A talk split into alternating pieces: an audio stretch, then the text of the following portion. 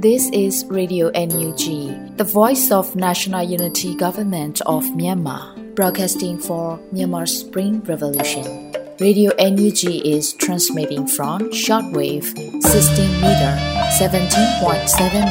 MHz at 8:30 a.m. and 25 meter 11.94 MHz at 8:30 p.m. Myanmar Standard Time.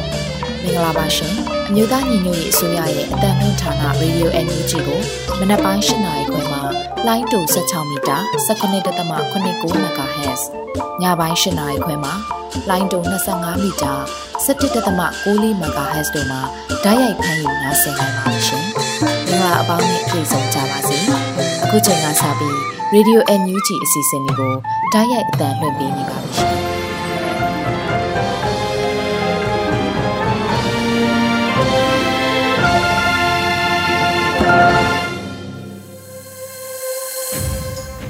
ရေဒီယို NUG သောတာရှင်နေနဲ့မြန်မာနိုင်ငံသူနိုင်ငံသားအပေါင်းဘေးပရာဝေးကွာလို့မင်္ဂလာအပေါင်းနဲ့ပြည့်စုံတဲ့နှစ်သက်အခါသမယဖြစ်ကြပါစေကြောင်းရေဒီယို NUG ဝိုင်းတော်သားတွေကဆုတောင်းမြတ်တာပို့သလိုက်ရပါတယ်ရှင်။အခုဆိုရင်2022ခုနှစ်ကုန်ဆုံးလို့2023ခုနှစ်ရဲ့ပထမအဦးဆုံးနေ့ရက်ဖြစ်တဲ့ဇန်နဝါရီလ1ရက်နေ့ရေဒီယို NUG ညပိုင်းထုတ်လွှင့်မှုအစီအစဉ်လေးကိုစတင်တော့မှာဖြစ်ပါတယ်။ဒီနေ့ညမှာတော့ပထမဦးဆုံးအနေနဲ့အမျိုးသားညီညွတ်ရေးအစိုးရယာယီသမရကြီးဒိုဝါလက်ရှိလာနဲ့ ပြည်ထောင်စုလွှတ်တော်ကိုစားပြုကော်မတီဥက္ကဋ္ဌဦးအောင်ကြည်ညွန့်တို့ရဲ့နှစ်သက်ကူနှုတ်ခွန်းဆက်စကားကိုကြားသိကြရမှာဖြစ်ပါတယ်ရှင်။လေးစားရပါတော့တိုင်းတပ်ပြည်သူပေါင်းတို့ခင်ဗျာခရစ်တက်ဂရစ်2022ခုနှစ်ကုန်လွန်ပြီးတော့2023ခုနှစ်နှစ်သက်ကူအခါတမရမှာတိုင်းတပ်ပြည်သူအားလုံးကိုစိတ်နှပြကျမ်းမာချမ်းသာကြပါစေအာနာရှင်တို့ရဲ့ဖြစ်နှိပ်မှုတွေကနေလွတ်မြောက်ပြီး ဒီမိုကရေစီနဲ့လွတ်လပ်မှုတွေကိုရရှိခံစားနိုင်ကြပါစေလို့ပထမဦးစွာဆုတောင်းမြတ်တာပို့သလိုက်ပါတယ်။တစ်ဆက်ဒီမှာ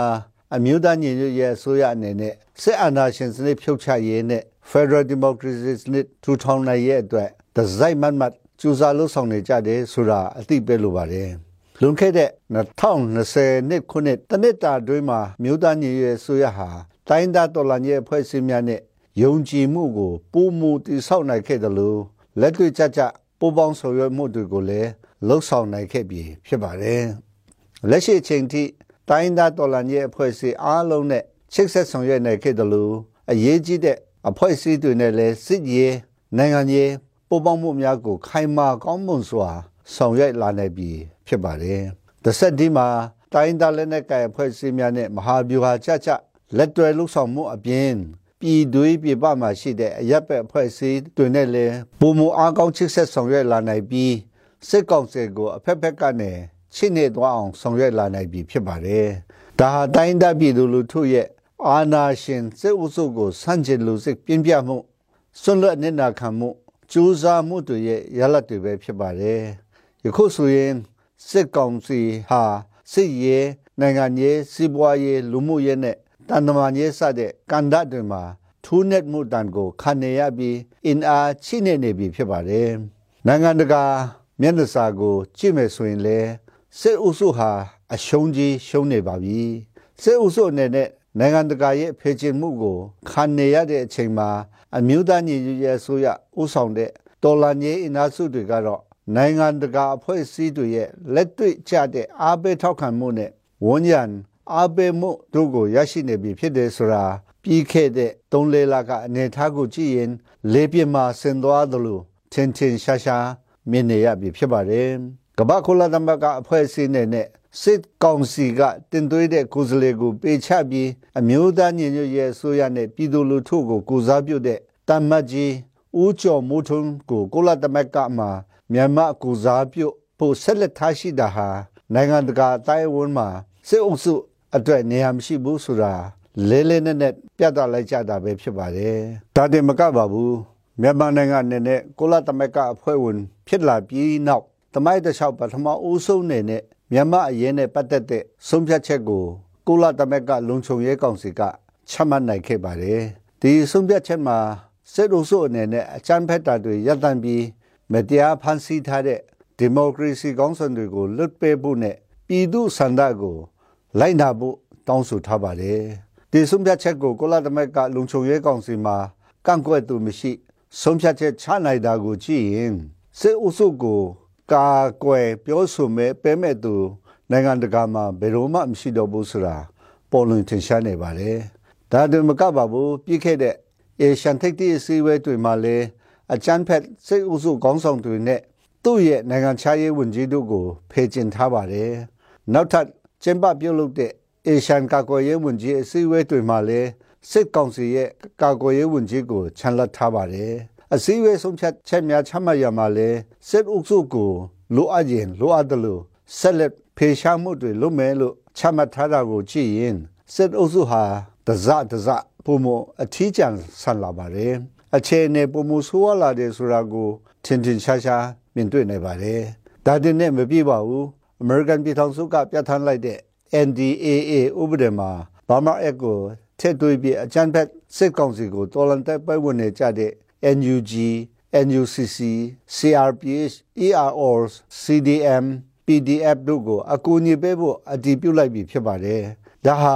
လွတ်လပ်မှုတရားမျှတမှုနဲ့ဒီမိုကရေစီရေးအတွက်တိုက်ပွဲဝင်နေကြတဲ့ပြည်သူလူထုရဲ့ကြိုးစားအားထုတ်မှုကိုအတိမတ်ပြုကူညီလိုက်တာပဲဖြစ်ပါတယ်။ ဒါကြောင့်စစ်အုပ်စုဟာနိုင်ငံတကာစာမျက်နှာမှာနေရာမရတော့ဘူးဆိုတာအထင်သာမြင်နေရပြီဖြစ်ပါတယ်။ယခုလိုမျိုးတော်လန်ရဲ့အဖွဲ့အစည်းတွေအနေနဲ့အဖက်ဖက်ကအာသာစီရယူနေချိန်မှာစစ်ကောင်စီကတော့ထွက်ပေါက်မရှိတော့လို့အတူအယောင်ရွေးကောက်ပွဲကိုဖန်တီးပြီးတော့ထွက်ပေါက်ရှာနေပြီဖြစ်ပါတယ်။အကျန်းဖက်စစ်အုပ်စုရဲ့ရွေးကောက်ပွဲဆိုတာ၎င်းတို့ရဲ့အာဏာတက်ဆူးရှည်ရဲ့သူတို့ရင်ဆိုင်နေရတဲ့စစ်ရေးနိုင်ငံရဲ့အချက်တေးတွေကို လျော့ချနိုင်ရဲ့အတွက်ရွေချက်လောက်ကျန်တဲ့စင်တဲ့ကိုစိတ်တရေနဲ့ဖုံးချင်တဲ့နိုင်ငံရေးလှည့်ကွက်နိုင်ငံရေးထောင်ချောက်တက်တက်ပဲဖြစ်ပါတယ်။ဒါကြောင့်စစ်အုပ်စုကပြုတ်လို့မဲ့အထုအယောင်ရုပ်ော့ပွဲကိုစန့်ကျင်တော်လှန်ကြမှာဖြစ်ပါတယ်။2023ခုနှစ်ဟာ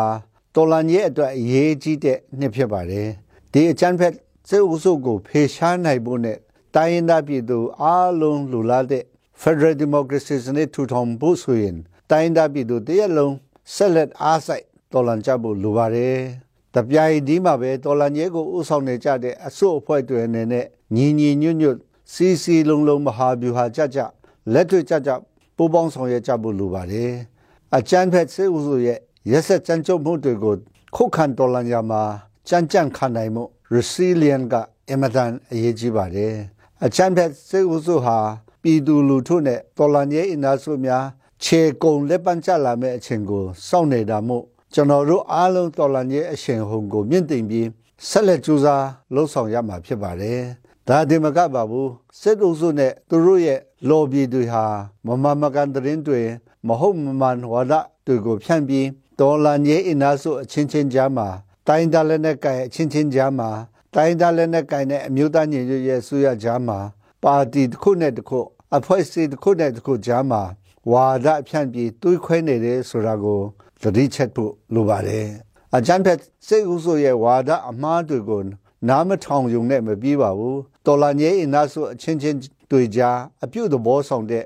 ဝေဖန်ထောက်ပြမှုတွေအစားကွဲပြားစေမဲ့သတင်းစကားတွေကိုလည်းသတိထားရှောင်ကျဉ်ကြရမှာဖြစ်ပါတယ်။ဘာလို့လဲဆိုရင်တော်လာညေရဲ့အောင်မြင်မှုတော့ချက်ဟာ တော်လာညေအင်နာဆိုနဲ့ပြည်သူလူထုအားလုံးရဲ့စီလုံးညီညွတ်မှုအပေါ်မှာယာနှုံးပြတည်မြင်နေတဲ့အတွက်ဖြစ်ပါတယ်။ဒီတော်လန်ကြီးဟာတိုင်းတပ်ပြည်သူအားလုံးနဲ့တော်လန်ကြီးအင်အားစုအားလုံးညီညီညွတ်ညွတ်ဆင်နွှဲနေကြတဲ့တိုက်ပွဲမလို့အောင်ကိုအောင်ရမယ်လို့ကျွန်တော်အနေဖြင့်လုံးဝယုံကြည်ပါတယ်ပြီးတော့2023ခုနှစ်ဟာလည်းဒိုင်းပြည်ရဲ့နိုင်ငံရေးကံကြမ္မာအလစ်အပြောင်းအတွက်အင်မတန်မှအရေးကြီးတဲ့နှစ်တစ်နှစ်ဆိုတာကိုလုံးဝယုံကြည်ပါတယ် ဒါကြောင့်ကျွန်တော်တို့အမျိုးသားညီညွတ်ရေးအစိုးရနဲ့အတူတိုင်းဒါလက်နက်ကိုင်များတော်လန်ရေးအင်အားစုများနဲ့ပြည်သူတရလုံးအင်တိုက်အားတိုက်နှစ်တစ်ဒေါ်လာရဲကိုဆက်လက်ဆွေးနွေးသွားကြပါစို့လို့တိုက်တွန်းရင်းနေကုံချုပ်အပ်ပါတယ်အရေးတော်ပုံမို့ချအောင်မြင်ရမည်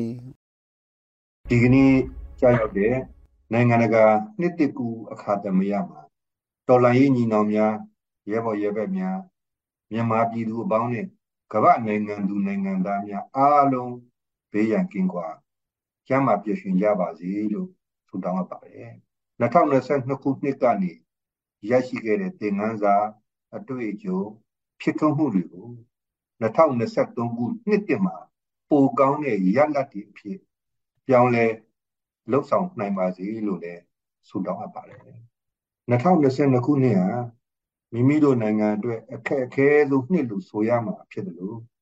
စင်ခေါ်မှုအတော်များများကိုလည်းညီညွတ်ခြင်းခွန်အားနဲ့အောင်မြင်အောင်ကျော်လွှားနိုင်ခဲ့တဲ့နှစ်လည်းဖြစ်ပါတယ်စစ်အာဏာရှင်များရဲ့ဥပဒေချုပ်ဖောက်ပြီးလက်နက်အားကိုတရားမဝင်အာဏာသိမ်းမှုဖြစ်စဉ်ရဲ့နောက်စစ်တပ်ရဲ့လူမဆန်အကြမ်းဖက် တပ်ဖြတ်မှုတွေကိုရင်ဆိုင်တော်လှန်ခဲ့ရတာလာပေါင်း22လတိုင်ရှိခဲ့ပြီဖြစ်ပါတယ်။ဒီလိုရဲ့စီလိုမှုကြမ်းခိုင်မှုအမျိုးမြင့်ကြီးမားမှုတွေနဲ့စကြင်တွန်းလှန်နေခြင်းကြောင့်ယနေ့အချိန်ထိအာဏာသိမ်းဖက်စစ်စစ်တပ်ဟာအကြမ်းဖက်ဂိုင်းတရံအကြမ်းဖက်မှု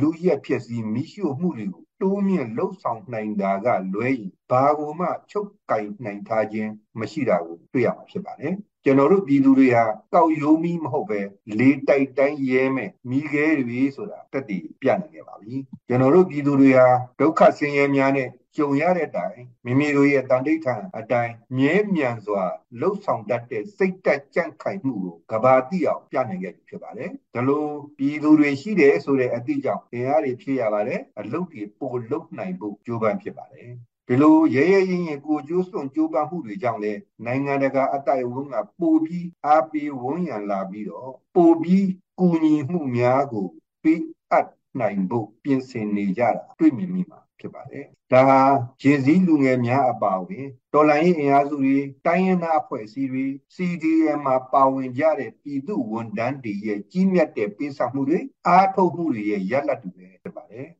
ခူးတယ်ပုံမူစီလုံးညီညွတ်ပြီးနားလည်မှုတွေနဲ့အတူတကွရှောက်လှမ်းသွားကြမယ်ဆိုရင်လူမဆန်တဲ့ဖက်စစ်စစ်အုပ်စုကိုပိုပြီးမြန်မြန်ဆန်ဆန်ဖြိုချနိုင်မှာပဲဖြစ်ပါလေမိမိတို့ရဲ့လူလူကောင်းဆောင်နိုင်ငံတော်ရဲ့အတိုင်ပင်ခံပုဂ္ဂိုလ်ဒေါအောင်ဆန်းစုကြည်ပြောကြားခဲ့တဲ့အတိုင်းနိုင်ငံရဲ့ကိစ္စအရရပြည်သူမပါဝင်ရင်မအောင်မြင်နိုင်ပါဘူး။ဒါကြောင့်လဲပြည်သူသားလင်အဓိကလို့ကျွန်တော်တို့ခေါင်းဆောင်ကအမြဲဆိုခဲ့တာဖြစ်ပါတယ် 2020ပြည့်နှစ်အထွေထွေရွေးကောက်ပွဲကြီးရဲ့ပြည်သူဆန္ဒရလဒ်ကိုပျက်စီးစေရန်နီလန်အမျိုးမျိုးနဲ့ဖျက်ဆီးဖို့ကြိုးပမ်းခဲ့တော်လည်းပဲပြည်သူအင်အားနဲ့ခြေဖြတ်နိုင်ခဲ့တာဟာတမိုင်းတက်တည်ဖြစ်ပါတယ်။အကြမ်းဖက်စေအုပ်စုဟာသူတို့ကျူးလွန်ထားတဲ့ရာဇဝတ်မှုတွေကနေလွတ်မြောက်နိုင်မှုကြံစီပြီးတော့ကျင်းပရန်ပြင်ဆင်နေတဲ့အတုရောင်ရွေးကောက်ပွဲဟာလည်းနိုင်ငံတကာရဲ့တရားဝင်အတိအမှတ်ပြုမှုပြည်သူရဲ့လက်ခံမှုမရှိနိုင်ပဲအောင်မြင်မှုဆိုတာကိုလည်း မရှိလာနိုင်ဘူးဆိုတာကိုအကျွမ်းမဲ့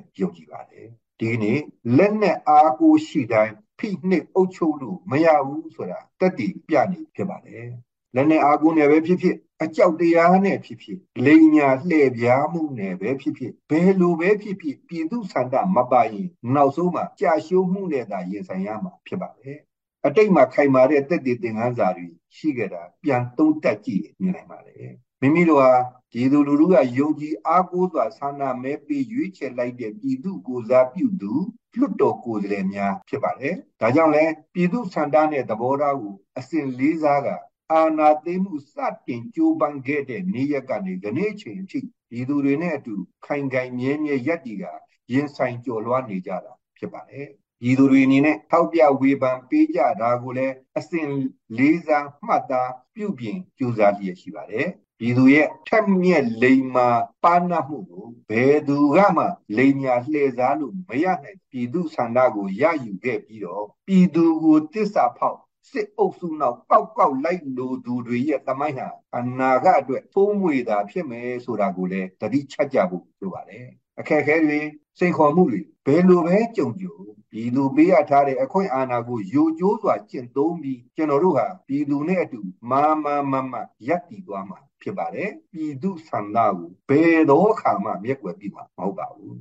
အားလုံးအေဒူပူအမြတာဒူညီမျှမှုတွေနဲ့အနာဂတ် Federal Democracy ပြည်ထောင်စုကြီးတည်မြဲခိုင်မာရှင်သန်ဖို့တိုင်းရင်းသားတွေချင်းညီနောင်မောင်နှမအားလုံးကတတန်တဲ့ညီတချီတဲ့ယုံကြဖို့အချိန်ကောင်းဖြစ်ပါတယ် မိမိတို့ပြည်ထောင်စုလွှတ်တော်ကိုစားပြုကော်မတီအနေနဲ့လည်းပြည်သူဆန္ဒပြည်သူဆက်လွဲအာဏာအရတာဝန်ယူဆောင်ရွက်ရမှာပြည်သူကိုတစ္ဆာမဖောက်ပြည်သူနဲ့အတူရက်တည်တဲ့ပြည်သူကိုယ်စားလှယ်များရဲ့အင်အားနဲ့ရှင်သန်တဲ့လွှတ်တော်တရားအဖြစ်နိုင်ငံတကာပါလီမန်များရဲ့အတိအမှတ်ပြုမှုနဲ့အတူဆက်လက်ဆောင်ရွက်သွားမှာဖြစ်ပါတယ်နှစ်သက်မှာအောင်မြင်မှုတွေပုံမူရရှိဖို့တော်လှန်ရေးအဆုံးသတ်ဖို့ဆက်လက်ကြိုးပမ်းသွားကြပါစို့လို့တိုက်တွန်းလိုပါတယ် မိမိတို့လည်းအစွမ်းကိုစူးစမ်းဆောင်ရွက်နေပါတယ်ဆက်လက်ပြီးစူးစမ်းဆောင်ရွက်သွားမယ်လို့လည်းလေးနဲ့စွာခရီးပြုပြောကြားလိုပါတယ်နှစ်သက်မှာကျမ်းမာစွာနဲ့တိုင်းပြည်ရဲ့ဖက်စစ်ရန်စိုးမိစ္ဆာမျိုးတွေကို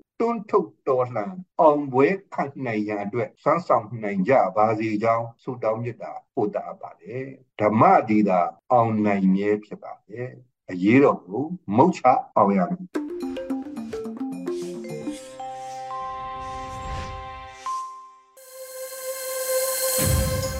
ရေဒီယို NUG မှာဆက်လက်အသံလွှင့်နေပါတယ်ရှင်။အခုဆက်လက်ပြီးပြည်တွင်းသတင်းတွေကိုတော့ຫນွေဦးမောင်ကဖတ်ကြားတင်ပြပေးထားပါတယ်ရှင်။မင်္ဂလာပါခင်ဗျာ။ယခုချိန်ကစပြီး Radio NUG ညနေခင်းသတင်းများကိုဖတ်ကြားတင်ပြပေးပါတော့မယ်။ကျွန်တော်ကတော့ຫນွေဦးမောင်ပါခင်ဗျာ။ပထမဦးဆုံးသတင်းအနေနဲ့ကတော့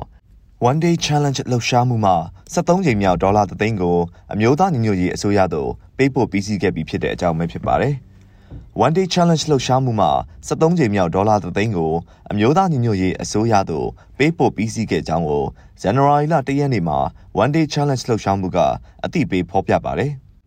စစ်အာဏာသိမ်းမှုစန့်ကျင်ရေးကော်မတီကိုရီးယားသည်2021ခုနှစ်ဩဂတ်လမှ2022ခုနှစ်ဒီဇင်ဘာလအထိရရှိခဲ့သော One Day Challenge လှုပ်ရှားမှုရန်ကုန်ငွေများအနက်မှလစဉ်ဒေါ်လာ3သိန်းနဲ့ညီမျှသောဝန်ငွေအားအမျိုးသားညီညွတ်ရေးအစိုးရ NUG ထံပေးပို့လာခဲ့ရာ2022ခုနှစ်ဒီဇင်ဘာလ30ရက်နေ့အထိစုစုပေါင်းဒေါ်လာ73သိန်းအားပေးပို့ပေးခဲ့ပြီးဖြစ်ပါတယ်လို့ဆိုပါတယ်။ စစ်အာဏာသိမ်းမှုစန့်ကျင်ရေးကော်မတီကိုရီးယားဟာ One Day Challenge ထောက်ပံ့ငွေဖြင့်အမျိုးသားညီညွတ်ရေးအစိုးရ၏နယ်မြေစိုးမိုးရေးမဟာဗျူဟာစီမံချက်အောင်မြင်နိုင်စေရေးအတွက်အကြမ်းဖက်စစ်တပ်ကိုရှေ့တန်းကနေဖိအားကောင်းစွာပေးကာဒေါ်လန်တိုက်ပွဲဝင်နေသောတပ်ဦးခံတပ်ဖြစ်သည့်အထူးတပ်ဖွဲ့သို့အမေရိကန်ဒေါ်လာ3594သိန်းကျပ်တန်ဖိုးရှိကြီးအရေးအတွက်13500အားထောက်ပံ့ခဲ့ပြီးဥက္ကဋ္ဌစခန်းသိမ်းတိုက်ပွဲအတွက် ဗတ်တသန်းနဲ့မြေပြင် PDF LPDF UG အဖွဲ့129ဘွဲ့သို့ကျပ်2340သိန်းအား NUG အစိုးရ၏ထောက်ပံ့ငွေအဖြစ်ထောက်ပံ့ပေးခဲ့ပါတယ်ခင်ဗျာဆက်လက်ပြီးမြင့်ငယ် PDF ရဲ့ AK ဆက်လက်အသေး3400ကမ်ပိန်းထောက်ပို့သူများနေပါနေသေး၍ဝိုင်းဝန်းကြရန်သတင်းပါခဲ့တဲ့အကြောင်းပဲဖြစ်ပါတယ်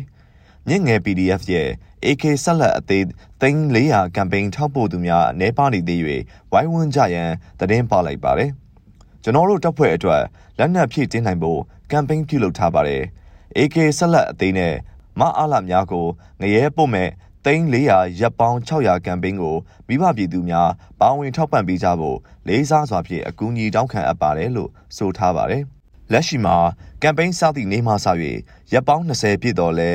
58သိန်း8100ကျပ်သားရရှိနေသေးသည့်အတွက်သိန်း400ပြေးဖို့ငွေချင်းများစွာလိုအပ်နေသေးတယ်လို့ဆိုပါတယ်။ကမ်ပိန်းကိုမြင့်ငယ် People Defense Force မြင့်ငယ် PDF မြို့ပြပျောက်ကြားအထူးတပ်ဖွဲ့မန္တလေးခရိုင်အမှတ်9တရင်ပြည်သူ့ကာကွယ်ရေးတပ်ကပြည်သူလူထုကိုနှိုးဆော်အသိပေးထားပါတယ်ခင်ဗျာဆက်လက်ပြီးတော့မြိတ်မြို့မှာပလောတို့တက်လာသောစစ်ကောင်စီရင်နှန်း ပလမြို့တို့ရွာနာကာကွယ်ရေးတပ်နဲ့နှရစက်တိုက်တိုက်ပွဲဖြစ်ပွားရာစစ်ကောင်စီတပ်ကအယောက်90ထပ်မံတေဆုံးခဲ့တဲ့တဲ့နေပဲဖြစ်ပါတယ်။2022ခုနှစ်ဒီဇင်ဘာလ30ရက်မနက်၈နာရီခွဲဝန်းကျင်ခန့်တွင်မြိတ်မြို့မှပလောတို့တက်လာသောစစ်ကောင်စီရင်နှန်းသည်ပလာမြို့မှအင်အား300ကျော်ဖြင့်အထွတ်တူရွာအရောက်တွင်ပြည်သူ့ကာကွယ်ရေးတပ်မတော်မြိတ်ခရိုင်အမှတ်1တန်ရင်မဟာမိတ်ပူးပေါင်းတပ်ဖွဲ့များနဲ့ထိတွေ့တိုက်ပွဲစတင်ဖြစ်ပွားခဲ့တယ်လို့ပြည်သူ့ကာကွယ်ရေးတပ်မတော် မြိတ်ခရိုင်တရင်တစ်ကအတည်ပြုဆိုပါတယ်။တိုးရွာတွင်တိုက်ပွဲဖြစ်ပွားနေစဉ်နေ့လယ်12:45မိနစ်ဝန်းကျင်တွင်လည်းနမ်ပရုတ်ကျေးရွာဘက်တွင်တဝယ်မှပလောသို့ဆင်းလာသောစစ်ကောင်စီရင်နှန်းကိုပြည်သူ့ကာကွယ်ရေးတပ်များမှမိုင်းနှချိန်ဆွဲ၍တိုက်ခိုက်ခဲ့ကပလမြို့နယ်ဘက်လက်နက်ကြီးလက်နက်ငယ်များဖြင့်အပြန်အလှန်ပစ်ခတ်တိုက်ခတ်မှုဖြစ်ပွားခဲ့ပြီးထို့နောက် တိုရွာမှထွက်လာသောစစ်ကောင်စီရင်တန်းကိုည9နာရီဝန်းကျင်ကန်တွင်ကြောက်ပစုံတောင်အနီးပဒေသာမိုင်းရှစ်လုံးဖြင့်ထပ်မံတိုက်ခိုက်ခဲ့တယ်လို့ဖော်ပြပါတယ်။နှစ်ရက်ကြာတိုက်ပွဲအတွင်းမိုင်းဆွဲ၍တိုက်ခိုက်ခြင်း9ကြိမ်ရှိခဲ့ပြီးထိတွေ့မှုအငယ်စားများများစွာဖြစ်ပွားခဲ့က၎င်းတိုက်ပွဲများအတွင်းစစ်ကောင်စီဘက်မှ90ဦးထပ်မံတိတ်ဆုံးခဲ့ပြီး30ဦးထပ်မံထိခိုက်ဒဏ်ရာရရှိခဲ့ကြောင်းအတည်ပြုတယ်လို့ဆိုပါတယ်။ တိုက်ပွဲအတွင်းအကြမ်းဖက်စစ်ကောင်စီသည်ပြည်သူနေအိမ်တိုရွာမှ48လုံးတန်းရှင်းရွာမှ9လုံးတင်ငန်းတုံးရွာမှ14လုံးစုစုပေါင်းနေအိမ်69လုံးကိုမီးရှို့ဖျက်ဆီးခဲ့ပါတယ်ခင်ဗျာဆက်လက်ပြီးမြင်းမှုမျိုးစာတင်ကျောင်းတွင်တပ်ဆွဲထားသောစစ်ကောင်စီတပ်များမြို့ရင်းထွက်လာ၍ပရိသာမိုင်းနဲ့ယနေ့မနက်ဖောက်ခွဲတိုက်ခတ်ခဲ့ရာစစ်ကောင်စီတပ်က2ဦးသေဆုံးခဲ့တဲ့တဲ့င်းပဲဖြစ်ပါတယ်။ စကိုင်းတိုင်းမြင်းမှုမြို့စာတင်ကျောင်းတွင်တပ်ဆွဲထားသောစစ်ကောင်စီတပ်များမြို့ရင်းထွက်လာ၍ပရိသာမိုင်းနှင့်ယနေ့မနေ့ဖောက်ခွဲတိုက်ခတ်ခဲ့ရာစစ်ကောင်စီတပ်က2ဦးသေဆုံးခဲ့ပါသည်။ဇန်နဝါရီ၁ရက်မနက်6:40မိနစ်အချိန်မြင်းမှုမြို့စာတင်ကျောင်းတွင်တပ်ဆွဲထားသောစစ်ကောင်စီတပ်များပြင်ပထွက်လာစဉ်မိုင်းခွဲတိုက်ခတ်ခဲ့တယ်လို့ဇီရိုပျောက်ကြားတပ်ဖွဲ့မြင်းကြံကအတည်ပြုဆိုပါတယ်။ ဇန်နဝါရီ၁ရက်နေ့နှစ်သက်ကိုကြိုဆိုသောအဖြစ်မနက်6:40မိနစ်အချိန်မြင်းမှုမြို့စာသင်ကျောင်းတွင်တပ်ဆွဲထားသောစစ်ကောင်စီတပ်များမှအပြင်ထွက်လာသောစစ်ကောင်စီတပ်ဖွဲ့ဝင်3ဦးအားလွတ်လပ်ရေးကြောက်တိုင်ရှိအရောက်တွင်ပဒေသာမိုင်းနှလုံးဖြင့်ရှက်တစ်ပြက်ဖောက်ခွဲတိုက်ခိုက်ခဲ့ပါတယ်လို့ဆိုပါတယ်။ဖောက်ခွဲတိုက်ခိုက်မှုကြောင့်စစ်ကောင်စီတပ်မှ2ဦးနေရာတွင်တေဆုံးကတအုပ်မှဒဏ်ရာအပြင်းထန်ရရှိကြောင်းသိရှိရပါတယ်။ စစ်စင်ရေးကို0ပျောက်ကြားတပ်ဖွဲ့မြင်းချန်နဲ့ True Fighter အဖွဲ့တို့မှနှစ်သက်ကိုစတင်ကြိုးစိုးတိုက်ခိုက်ခဲ့တာဖြစ်ပါတယ်ခင်ဗျာနောက်ဆုံးသတင်းအနေနဲ့ကတော့ပဲခူးတိုင်းပဒီကုန်းမြို့နယ်မှာစစ်အုပ်စုရဲ့ရွေးကောက်ပွဲဆန့်ကျင်ဖို့ချိတ်ဆွဲထားတဲ့ပိုစတာလာဖြုတ်သူရဲတပ်ဖွဲ့များမိုင်းပေါက်ကွဲမှုကြောင့်တအူးနေရာတင်သေဆုံး၍တအူးပြင်းထန်စွာဒဏ်ရာရရှိခဲ့တဲ့သတင်းပဲဖြစ်ပါတယ်။ ပဲခူးတိုင်းပဒီကုန်းမြို့နယ်မှာစစ်အုပ်စုရဲ့ရွေးကောက်ပွဲစန့်ကျင်ဖို့ချိတ်ဆွဲထားတဲ့ပိုစတာလာဖြုတ်သူရဲတပ်ဖွဲ့များမိုင်းပေါက်ကွဲမှုကြောင့်တနေရာမှာတွင်တဦးသေဆုံး၍တဦးပြင်းထန်စွာဒဏ်ရာရရှိခဲ့ကြောင်းကိုဇန်နဝါရီလ၁ရက်နေ့မှာစစ်စင်ရေးကိုပေါင်းတန်မြို့နယ်ပြည်သူ့ကာကွယ်ရေးတပ်ဖွဲ့ကအတည်ပြုဆိုပါတယ်။ဇန်နဝါရီ၁ရက်နေ့ပဲခူးတိုင်းပြည်ခရိုင်တဲကုန်းမြို့နယ်ပဒီကုန်းမြို့ပဒီကုန်းသွားသောတာကွားနယ်ပွဲပြေရွာလမ်းမပေါ်တွင် စစ်ခွေးလုံးရဲ့ရွေးကောက်ပွဲလူထုအားနဲ့တွန်းလှန်ကြဆိုတဲ့ဆိုင်းဘုတ်ကိုလာဖြုတ်သောစစ်ကောင်စီရဲတပ်ဖွဲ့ဝင်3ဦးအားမနက်8:15မိနစ်အချိန်တွင်တပ်ရင်း3601တပ်ခွဲ3တိုင်းလုံးကျော်အဖွဲ့မှနန်းထိုင်အောင်စစ်စင်ရေးအဖြစ်မိုင်းဆွဲတက်ခတ်ခဲ့ပါတယ်လို့ဖော်ပြပါတယ်။မိုင်းပေါက်ကွဲ၍စစ်ကောင်စီရဲတပ်ဖွဲ့ဝင်တအူးဦးကောင်းထီမန်ကနေရာတွင်ပွဲချင်းပြီးကြဆုံးကတအူးအပြင်းထန်ဒဏ်ရာရရှိခဲ့ပါတယ်ခင်ဗျာ။ယခုတင်ပြပေးခဲ့တဲ့သတင်းတွေကို Radio NUG သတင်းတောက်မင်းမင်းကပေးပို့ပေးထားတာဖြစ်ပါတယ်ခင်ဗျာ။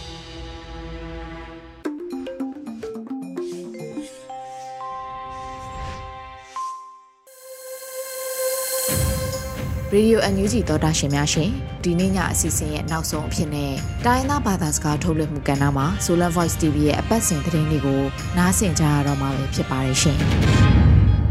News ခန္နာအ Spring Revolution kalsuan na zogambu pa zogambu phuam sungpanina athat ki polna khata hi zomi federal union zfu pdf zolen in akwaveina galhang siamsin mahial na december kha som ni le thom ni na thu pi takina kinai the hi chi na tangko na om hi tawun sunga zomi mp te gal savai a khut ki let pi ki pol na tom tom te le leng la tampi kel the hi chi na gal hang sem sin zo na le gambo bading ki chiam na ki zom pa a NUG MOD และกิปอลนาตอมตอมปันนะลงดํปีนาหลายปีจงกิขากาจินมังปีตอมตอมเตนะทับยักนาตอมโนในปีนะเสียมสินสงะเท่า NUG MOD le kipol na tom tom pani na lungdam pi na lai pi zong ki kha ka jin mang pi tom tom te na tapyak na tom no nei pi na siam sin songa thau kap siam na pan ke pan han cham na ki vak na dung zui na pa toy na tom tom te zong ki pya hi chi na ZF chu thu nei khatin gen hi. News ni na zomi te om na khopi khat hi kalimiu tahan veng sunga om ssc gal kap te om na mun mi kap CDF KKG ina, December kha som ni leli jing sang lamina busim a M2 thau khat le thau ta hon khat, nga u hi chi na CDF KKG ina, tang ko u hi. SSC gal captain mi pi gal kap CDF KKG te amu uchang na ki kam na om lo na athau te unusen tai hi chi hi. to khe jo asol lo ina ss gal kap som thum kim a hu ding e kwana thau mok lot gop na hangena mi pi aliam le asi mi khat om hi china cdf kkg tangko na sunga kel hi news thumna zogam thantlang khwa om ss gal kap ten ni december kha som ni le li ni ta kena athau to cdf le CNA ka kapte kya nga taina belu hi chi thu ki za hi amau pen ni tak lamina atayu hi a than trang khopi sunga CDF le CNA ka kapte phola ki a pu hi ทาวลองนี่แหละทาวตังหนขัดโตองตาอยู่ฮีจีนทุนในขัดเองแกนฮีอาตายกากับเตนี่เป็นซีซีดีเอฟเละซีเอ็นกากับเตนะหอยนามุนหอยตะกินะเกมว่าอภิษนาดิงมุนเตะตัวจานไม้ปวกเป่าฮีจี kha than tlang ke kal abesa novema kha sungena ke kam na na sa takin oma ssc ka kapte na van van lam hu na zang hi ssc ka kapte hal kha to tai nga khong akigam lan na timit kwam dong tong uina than tlang khopi lam leilam to gal hu na pok zon nai lo ui tua december kha sung hal kha tran tang ke ka le tran tang khopi sunga langni ki kam na om lo hi chi thu ki gen hi news lina thatang som sagi kim apha ssc gal kap te december kha som ni le sagi ni na kalimi upanina kham tung lam khe to zuan to ai manin december kha som ni le kwani panina ki pan tom ve sung lampi ki khak por hi chi na mi pi gal kap cdmc in in tang ko hi to aka to จานขัดแกียกูอินะตัวคิดโจเทยจางขวจานขัดแกียกเลวเลววากะลีมิวเลตายเงินลำปิดุงกาลไว้ลาหัวเอมันินะควรเซนกำวากกิดบดิงทูพีดีเอฟโซเลนมากายขัดอินแกนฮีนิวส์งานา kayen gam ko great huam sunga ssc gal kap te le ki kam na anasian ma ma na mun krubra shi chang njuj na thawlong som nga hu hi chi na njuj ministry of defense in december ka som ni le ku ni in pula khi to thau te pen tong pai sit di ta le njuj te hu na khat hi chi na genu hi KNU ta ma chau hom sunga na sem hi cobra sit yang in december ka som ni nga ni in garang siam sing mahia na poi bol u ya NUG bonji umanwen khai tan ki hai pe ki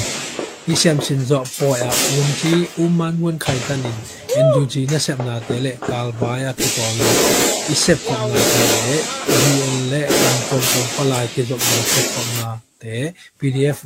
pdf kal kap te tunga gen chen la ni hi krobara sityang pe ukna bulu khit zo hong piang khian mi pi ka kap ke po na hi ya KNU tan maha chau sunga SSC ka kap te to ikap zelina KNU in tu kum august kha song ni le di ni akula ki na tan maha chau wam sunga mi pi tu song ko la jana i song ko la khanina in le lo nu se na gal ta yu hi chi na sok sa ko hi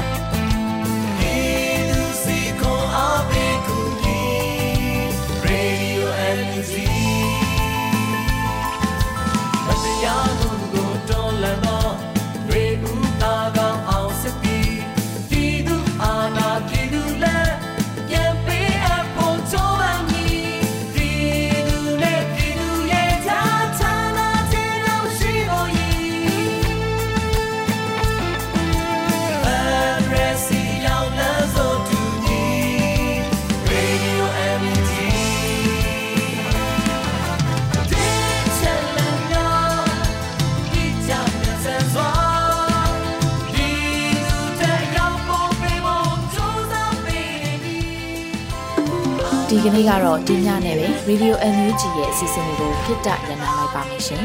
မြန်မာစံတော်ချိန်မနက်၈နာရီခွဲနဲ့ည၈နာရီခွဲအချိန်တွေမှာပြန်လည်ဆုံတွေ့ကြပါစို့